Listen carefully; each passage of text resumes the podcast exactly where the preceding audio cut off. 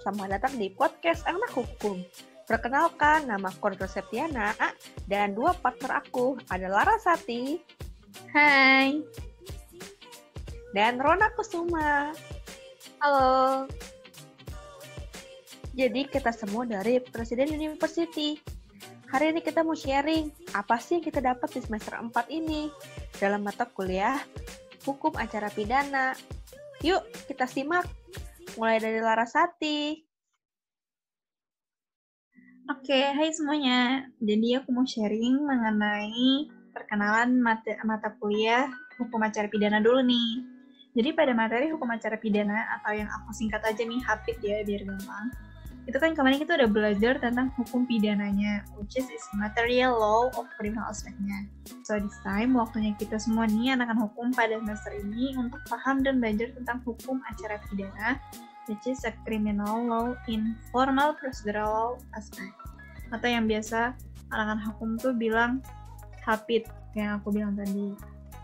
Nah, selain itu, kita juga belajar hukum acara pidana ini untuk memahami segala konsep dan teori-teori dari criminal law itu sendiri. Karena kan kayak nggak lengkap gitu ya kalau misalnya kita udah paham criminal law, tapi kita nggak tahu nih gimana cara menegakkan hukum kriminal itu sendiri. Nah, speaking about HAPID nih, uh, HP itu penting banget untuk anak-anak hukum. Kenapa sih HP itu penting? Aku mau tanya nih sama teman aku. Menurut kamu gimana, Nak? Kalau menurut aku, uh, secara garis besarnya, atau secara umumnya itu kan uh, itu merupakan bagian dari hukum pidana. Nah, hukum pidana itu sendiri itu merupakan bagian dari yang namanya public law. Nah, public law itu tujuannya adalah untuk mencapai suatu uh, di masyarakat atau mencapai ketertiban di masyarakat, di mana masyarakat itu agar bisa damai, tentram, adil dan sejahtera. Nah, sedangkan tujuan awal dari HP itu sendiri yaitu untuk mencari dan menemukan kebenaran material yang di yang yang ada pada tindak pidana itu sendiri. Nah, karena itu menurut aku HP itu penting.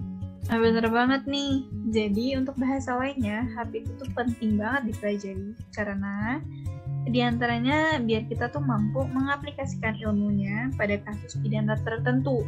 Selain itu biar kita juga paham tuh sama KUHAP atau Kitab Undang-Undang Hukum Acara Pidana sebagai undang-undang untuk kodifikasinya HAPID. Biar kita juga nggak salah nih dalam menerapkan cara menegakkan HAPID sama HAPER karena kan hukum acara pidana dan hukum acara perdata itu merupakan dua hal yang berbeda ya, jadi nggak boleh sampai ketukar. Nah, selain itu penting banget untuk menetapkan asas-asas dalam HAPID, tahapan-tahapan dalam perkara pidana, pemeriksaan, sampai sidang pengadilan, dan putusan pengadilan. Jadi kita tahu nih prosedur-prosedur dan urutan-urutan yang benarnya. Pokoknya masih banyak banget deh pentingnya HAPID untuk dunia hukum itu apa. Nah, so what is procedural criminal law? Procedural criminal law atau HAPID atau formal strafrecht intinya itu serangkaian aturan yang dibuat oleh negara yang bertujuan untuk menegakkan hukum pidana material yang biasanya aturan-aturannya itu kita temuinya di KUHAP tadi. Nah, speaking about KUHAP, uh, KUHAP itu apa sih guys? Ya, jadi KUHAP itu sebagai payung hukum acara di Indonesia. Kitab ini mengatur acara pidana, mulai dari pendidikan, penyidikan, penuntutan, peradilan, acara pemeriksaan, banding di peradilan tinggi, serta kasasi, dan PK ke Mahkamah Agung. Nah, iya benar. Nah, dalam mempelajari HAPID ini dikenal juga istilah Indonesia Criminal Justice System atau ICJS. Nah, di ICJS ini dilengkapi oleh banyak-banyak lembaga nih, di antaranya lembaga kepolisian yang lembaga kepolisian ini tuh banyak banget tugasnya. Salah satunya dia uh, bertindak sebagai penyidikan dan penyelidik, ya.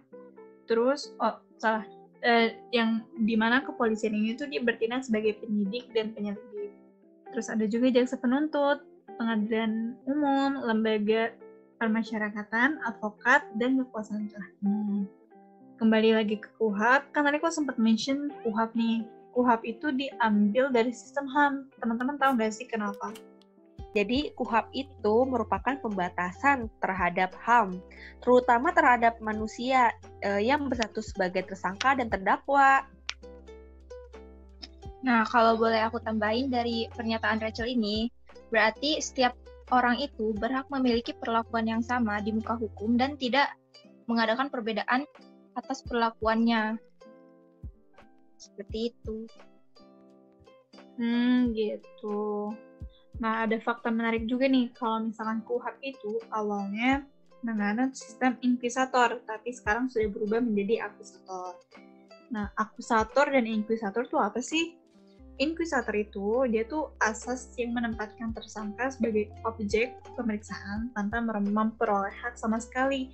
Jadi tuh kayak si tersangka ini tuh uh, menjadi objek yang dalam hal investigasi itu mempengasampingkan hak asasi manusia. Jadi istilahnya tuh intinya tuh kayak menghalalkan segala cara untuk mendapatkan bukti. Kayak bisa melakukan kekerasan atau apa pun karena si tersangka itu tuh sebagai objeknya. Untuk inkusator ini dia tuh dilakukan secara tertutup, jadi nggak ada yang lihat gitu kan. Nah, selain itu kalau akusator tuh uh, dia tuh asas yang tersangkanya itu tuh menjadi subjek bukan objek. Jadi ini tuh dilakukan secara terbuka yang disaksikan oleh uh, umum. Jadi siapa aja tuh boleh menghadiri investigasi tersebut gitu. Nah, dalam hukum acara pidana ini ada juga asas-asas uh, seperti asas praduga tak bersalah, asas asas bantuan hukum, asas equality before the law. Tapi aku cuma mau bahas mengenai asas praduga tak bersalah karena uh, seperti yang teman-teman pasti udah sering banget dengar kalau asas praduga bersalah itu uh, seseorang harus dianggap tidak bersalah sebelum dinyatakan bersalah oleh putusan pengadilan. Nah, jadi maksudnya tuh uh, dia tuh masih si tersangka ini masih bisa membela diri kalau dia tidak bersalah gitu.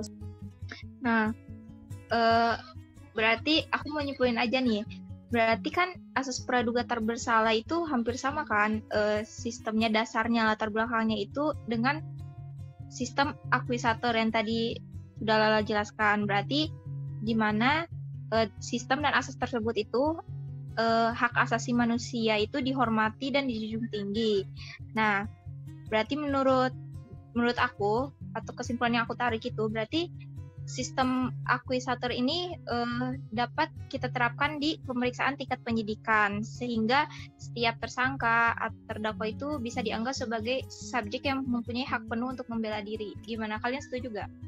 Aku setuju banget, itu benar banget. Jadi kayak uh, setiap asas tuh dan sistem HP-nya itu uh, saling berhubungan gitu, ya kan? Iya, iya. Nah, selanjutnya aku mau sharing sedikit tentang investigasi ini. Untuk investigasi itu terdapat dua tahap, yaitu ada penyelidikan dan penyidikan. Mungkin teman-teman sekalian kayak masih uh, rada bingung nih untuk membedakan apa sih bedanya penyelidikan dan penyidikan. Nah, untuk uh, penyelidikan itu, penyelidikan itu dikenal sebagai preliminary investigasi atau yang uh, uh, tahap awalnya investigasi lah gitu. Nah, pada tahap uh, ini investigasi itu pada tahap ini itu tahapan untuk nentuin apakah suatu peristiwa merupakan kejahatan atau bukan. Jadi kalau misalkan kejahatan lanjut ke tahap selanjutnya, tapi kalau misal, misalkan peristiwa itu bukan kejahatan, maka stop di situ. Nah, siapa aja nih yang bisa jadi penyelidik? Yang bisa jadi penyelidik itu adalah semua petugas polisi. Dan petugas polisi itu berwenang untuk menerima laporan tentang kejahatan, dia untuk mencari informasi dan bukti. Terus dia kalau misalkan menemukan seseorang yang mencurigakan nih, dia berhak menghentikan dan menanyakan identitas orang tersebut.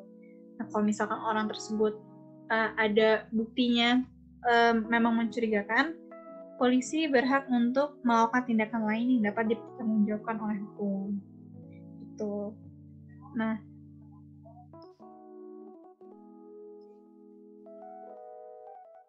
Nah, sementara penyidik, penyidik itu kegiatan, simpelnya nih ya, kegiatan mencari dan mengumpulkan bukti sesuai dengan kasus yang sedang berlangsung. Jadi, yang bisa menjadi penyidik itu adalah polisi dan PNS atau pegawai negeri sipil yang sudah diberikan otoritas dalam hukum, yang sudah disahkan dalam hukum.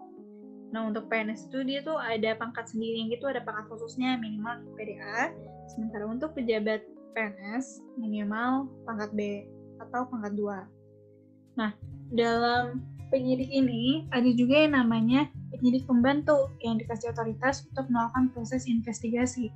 Untuk pangkat PPNS ini minimal dia eh, untuk pangkat PNS dia minimal berda, sementara untuk PPNS dia minimal berpangkat Nah, untuk tugas penyidik itu sendiri tuh banyak banget. Tapi aku akan cuma mention beberapa dari tugas-tugas itu. Nah, penyidik itu tuh sebenarnya mereka tuh mencoba untuk mengungkapkan berbagai aspek kejahatan. Di antara lainnya tuh kayak uh, di mana kejahatan itu terjadi, kayak lokus deliknya, terus kayak kapan sih kejahatan itu terjadi, kayak tempus delikti, terus bagaimana kejahatan itu dilakukan, alat apa yang digunakan, dan motif kejahatan itu terjadi dan siapa pelakunya. Nah, sementara untuk tugas detailnya itu kalian bisa temuin di pasal 7 KUHAP yang menyebutkan uh, seluruh tugas dari penyidik. Pokoknya di antaranya itu penyidik dia menerima laporan, terus dia melakukan tindakan, dan dia bisa melakukan penangkapan, mencari dan menyita, dan sebagainya. Nah, di penyidikan ini ada juga yang namanya asas diferensiasi. Kira-kira apa sih guys asas diferensiasi itu? Nah, asas diferensiasi itu menyatakan setiap aparat penegak hukum dalam sistem peradilan pidana memiliki tugas dan fungsinya sendiri uh, yang terpisah antara satu dengan yang lain. Nah, untuk tambahannya sendiri itu, asas diferensiasi ini memiliki tujuan utama. Yang pertama itu dia dapat menjamin adanya kepastian hukum dalam proses penyidikan. Terus dia juga dapat menyederhanakan atau bisa mempercepat penyelesaian dari perkara. Kemudian eh, akan eh, dengan adanya asas ini akan dipastikan itu tercipta eh, hasil dari berita acara pemeriksaan atau yang namanya BAP yang tidak akan bertentangan antara satu dengan yang lainnya. Nah iya bener banget. Nah sekian sharing dari aku nih mengenai apa pentingnya belajar habit dan investigasi. Selanjutnya uh, aku serahin ke teman aku yang mau sharing. Iya, jadi aku mau bahas tentang upaya paksa nih. Jadi upaya paksa adalah serangkaian tindak penyidikan yang melaksanakan penyelidikan, yaitu dalam hal melakukan penangkapan, penahanan, penggeledahan, penyitaan, dan pemeriksaan surat. Jadi urutannya itu eh, pertama ada pemanggilan dulu, lalu ada penangkapan dan penahanan. Jika diperlukan, akan dilakukan penggeledahan, penyitaan, dan pemeriksaan surat. Berdasarkan pasal 1 butir 20 KUHAP, penangkapan adalah suatu tindakan penyidik berupa pengekangan sementara waktu kebebasan tersangka atau terdakwa. Nah, untuk untuk syarat penangkapan ada apa aja sih? Mungkin teman aku ada yang mau jawab? Nah, untuk syarat penangkapan itu sendiri, dia yang pertama itu harus dilakukan terhadap seseorang yang memang benar diduga keras dan memiliki bukti permulaan melakukan tindak pidana. Kemudian, penyidik atau penyelidik yang melakukan uh, penangkapan, uh, penangkapan, dia itu harus menunjukkan surat tugas dan memberikan surat perintah penangkapannya. Nah, uh, in case si tersangka tertangkap tangan, itu gimana? Kalau menurut ini, kalau tertangkap tangan tersangkanya, pelaksana tugas penangkapan yang dalam hal ini udah jelas banget petugas kepolisian, dia tuh harus memberikan surat perintah penangkapan kepada keluarganya, kepada keluarga yang ditangkap ya, setelah penangkapan dilakukan. Nah, untuk penangkapan itu dilakukan paling lama satu hari Nah, untuk selanjutnya itu ada penahanan. E, berdasar pasal 1 butir 21 KUHAP, penahanan adalah penempatan tersangka atau terdakwa di tempat tertentu oleh penyidik atau penuntut atau penuntut umum. E, kan syarat penahanan itu ada dua, ada secara subjektif dan objektif. Mungkin partner aku ada yang mau bantu jelasin? Untuk syarat subjektifnya itu dari penahanannya itu dia khawatir terdakwa melarikan diri atau dia bisa juga nih menghilangkan bukti atau yang paling ditakutkan itu kemungkinan dia ngulangin perbuatan pidana itu. Nah, untuk syarat objektif dari penahanan itu yaitu pertama, tindak pidana diancam dengan pidana penjara lima tahun atau lebih, dan bisa juga tindak pidana yang walaupun tidak diancam pidana penjara lima tahun atau lebih, akan tetapi dia cenderung akan mengganggu atau membahayakan ketertiban umum. Iya bener banget. Nah selanjutnya itu ada tempat penahanan uh, pertama itu ada rumah tahanan atau biasa disebut dengan rutan. Selanjutnya itu di rumah. Kalau misalkan di rumah, jadi waktu satu per tiga dari jumlah lama penahanan di rutan uh, sama dengan tiga hari di rumah. Jadi dianggap satu hari di rutan. Yang kedua, yang ketiga ada di kota. Jadi seperlima jumlah lama di rutan. Jadi lima hari di kota, satu hari di rutan. Selanjutnya ada penggeledahan. Berdasarkan pasal 1 butir 17 KUHAP, penggeledahan rumah adalah tindak penyidik untuk memasuki rumah tempat tinggal dan tempat tertutup lainnya untuk melakukan tindak pemeriksaan atau penyitaan. Dan penggeledahan badan diatur dalam pasal 1 butir 18 KUHAP. Jadi si penyidik melakukan pemeriksaan badan atau pakaian si tersangka Selanjutnya ada penyitaan. Berdasarkan pasal 1 butir 16 KUHAP, menjelaskan bahwa yang dimaksud dengan penyitaan adalah serangkaian tindakan penyidik untuk mengambil alih dan atau menyimpan di bawah penguasa penguasaan benda bergerak, berwujud, atau tidak berwujud untuk kepentingan pembuktian dalam penyidikan. Nah, eh, benda-benda yang disita itu ada apa aja sih? Ada yang bisa kasih contoh? Nah, untuk benda apa saja yang dapat disita itu ada di dalam pasal 39 KUHP. Yang pertama itu ada benda yang diduga diperoleh dari tindak pidana atau hasil dari tindak pidana yang dilakukan. Contohnya itu seperti uh, dalam hal pencurian, tindak uh, benda yang dihasilkan dari tindak pidana tersebut, misalkan bisa HP atau motor. Terus yang kedua ada benda yang dipergunakan secara langsung untuk melakukan tindak pidana. Contohnya itu dapat berupa pisau. Nah, untuk benda lainnya nih, untuk benda untuk menutupi penyidikan itu bisa kayak kopi, bisa juga cat. Nah, kopi ini tuh bisa digunakan untuk menutupi bau eh, mayat yang dia bunuh gitu kali ya contohnya. Atau cat juga yang bisa nutupi darah gitu. Nah, sementara untuk benda khusus yang dibuat itu bisa kayak kopi dikasih cyanida nih untuk ngebunuh seseorang. Nah, ada juga benda lain yang punya hubungan langsung dengan tindak pidana itu contohnya ini dalam kasus pencurian misalkan si tersangka ini tuh dia pakai motor tapi dia ngebunuhnya pakai pisau gitu.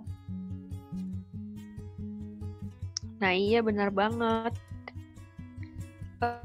Uh, selanjutnya itu uh, ada pemeriksaan surat. Berdasarkan pasal 47 ayat 1 penyidik berhak membuka, memeriksa, atau menyita surat lain yang dikirim melalui kantor pos, telekomunikasi, jawatan, atau perusahaan komunikasi. Jadi uh, untuk materi upaya paksa segitu aja nih. Aku sharingnya. Untuk materi berikutnya bisa dilanjut oleh partner saya, Rona. Nah, untuk selanjutnya Tadi kan Rachel udah ngejelasin rangkaian dari uh, tindakan salah satu tindakan dari penyidikannya itu rangkaian upaya paksa. Nah, di sini saya akan menjelaskan uh, tahap selanjutnya dari penyidikan yaitu penuntutan. Jaksa menurut KUHP itu sekarang jaksa itu dibedakan dengan penuntut umum. Nah, diatur dalam ketentuan umum pasal 1 butir 6 KUHP KUHAP yaitu yang pertama, jaksa adalah pejabat yang di, diberi wewenang oleh undang-undang untuk bertindak sebagai penuntut umum serta melaksanakan putusan pengadilan yang telah memperoleh kekuatan hukum tetap. Dan yang kedua itu ada penuntut umum. Penuntut umum itu adalah jaksa yang diberi wewenang oleh undang-undang untuk melakukan penuntutan atau melaksanakan penetapan hakim. Nah, jadi dari dua istilah antara jaksa dan penuntut umum itu dapat disimpulkan bahwa jaksa itu lebih menyangkut kepada uh, jabatan, sedangkan penuntut umum itu lebih menyangkut uh, pada fungsi, pada fungsinya. Kemudian ada tugas dari penuntut umum. Nah, menurut uh, bab 4 KUHAP yaitu ada dua pasal yang mengatur yaitu pasal 14 dan juga pasal 15. Nah, yang pertama itu jaksa itu menerima dan memeriksa berkas perkara, penyidikan dari penyidik atau penyidik pembantu. Yang kedua mengadakan tuntutan. Yang ketiga memberikan perpanjangan penahanan, membuat surat dakwaan, melimpahkan perkara ke pengadilan, menyampaikan pemberitahuan uh, kepada terdakwa, terus melakukan penuntutan, menutup perkara demi hukum, dan melakukan penetapan hukum. Nah, untuk selanjutnya itu uh, apa sih penuntutan itu? Penuntutan itu adalah tindakan dari penuntut umum untuk melimpahkan perkara pidana ke pengadilan negeri yang berwenang menurut cara yang diatur dalam undang-undang uh, dengan tujuan itu agar dip bisa diperiksa atau diputus oleh hakim di sidang pengadilan. Nah, selanjutnya sama seperti uh, penyidikan, penuntutan juga ada penghentian penuntutan dan alasannya itu karena bisa karena alasan tidak cukup bukti, alasan karena hal tersebut itu bukan merupakan suatu tindak pidana ataupun perkaranya itu dapat dibatalkan e, demi kepentingan hukum. Selanjutnya itu ada penyusunan surat dakwaan. Nah, surat dakwaan ini adalah surat yang berupa uh, yang dianggap sebagai akta surat akta yang memuat rumusan tindak pidana yang didakwakan kepada terdakwa di mana perumusannya ini ditarik dan disimpulkan dari pemeriksaan penyidikan yang dihubungkan dengan unsur delik pasal tindak pidana yang dilanggar dan didakwakan pada ter, pada terdakwa. Nah, surat dakwaan ini itu bisa e, menjadi dasar pemeriksaan bagi hakim dalam sidang pengadilan. Nah, ngomong-ngomong delik. Nah, delik itu kan ada yang namanya delik aduan dan juga delik biasa. Menurut kalian apa sih perbedaan delik aduan dan juga delik biasa? Nah, kalau menurut aku nih, delik aduan itu cuma bisa korbannya yang ngadu uh, jadi kalau misalkan nggak diaduin kepada polisi itu dia nggak bisa dipidana pelakunya atau nggak bisa dilakukan investigasi.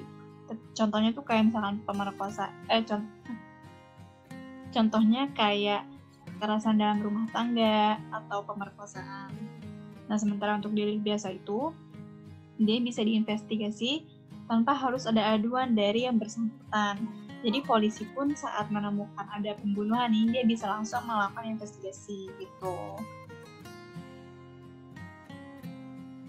Nah, e, dalam hal penyusunan surat dakwaan itu kan pasti ada syarat untuk membentuk atau menyusun surat dakwaan agar surat dakwaan ini e, dianggap sah dan tidak batal. Nah, syaratnya itu ada dua, ada syarat formal dan juga syarat material menurut kalian kalian bisa jelasin nggak apa itu syarat formal dan juga apa itu syarat material?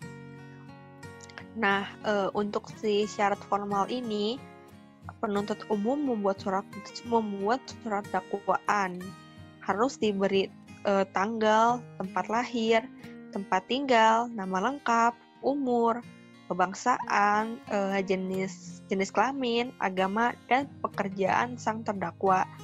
Dan tidak lupa harus ditandatangani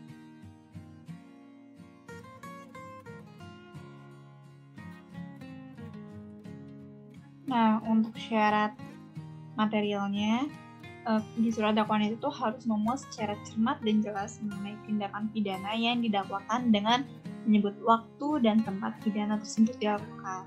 Jadi kalau misalkan uh, surat dakwaan ini tidak memenuhi syarat material, karena tidak jelas dalam merumuskan tindak pidana dan bila surat dakwaan mengandung pertentangan antara satu dengan yang lainnya, itu bisa tidak sah suratnya gitu. Nah, selanjutnya itu dalam hal penyusunan surat dakwaan. Nah, dalam penyusunan surat dakwaan ini ada dua, ada yang perkaranya itu digabung dan ada juga yang perkaranya dipisah atau pemisahan perkara. Nah, untuk penggabungan perkara itu dilakukan eh, dengan cara apabila tindak pidana yang dilakukan oleh satu orang itu uh, memiliki apabila satu orang satu orang melakukan tindak pidana lebih dari satu tindak pidana. Kemudian apabila tindak pidana yang dilakukan itu saling bersangkut paut atau berkaitan satu dengan yang lainnya. Kemudian apabila yang ketiga itu apabila tindak pidana tidak bersangkut paut tapi masih ada hubungannya.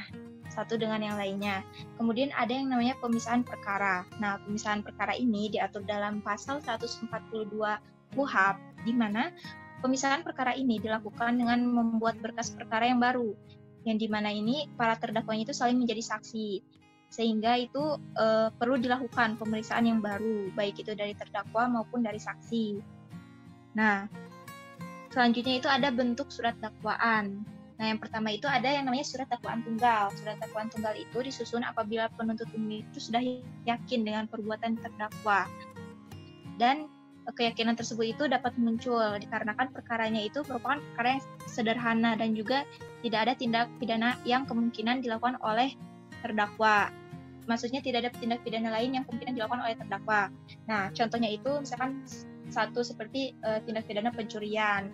Kemudian selanjutnya ada surat dakwaan alternatif. Nah, dakwaan ini itu disusun apabila tindak pidana yang, di, yang didakwakan itu hanya satu tindak pidana, akan tetapi penuntut umum masih ragu tentang tindak pidana apa sih yang paling tepat untuk terdakwa ini karena hal itu tuh terjadi karena bisa saja tindak pidana itu memiliki kemiripan unsur atau kedekatan unsur dengan tindak pidana yang lain.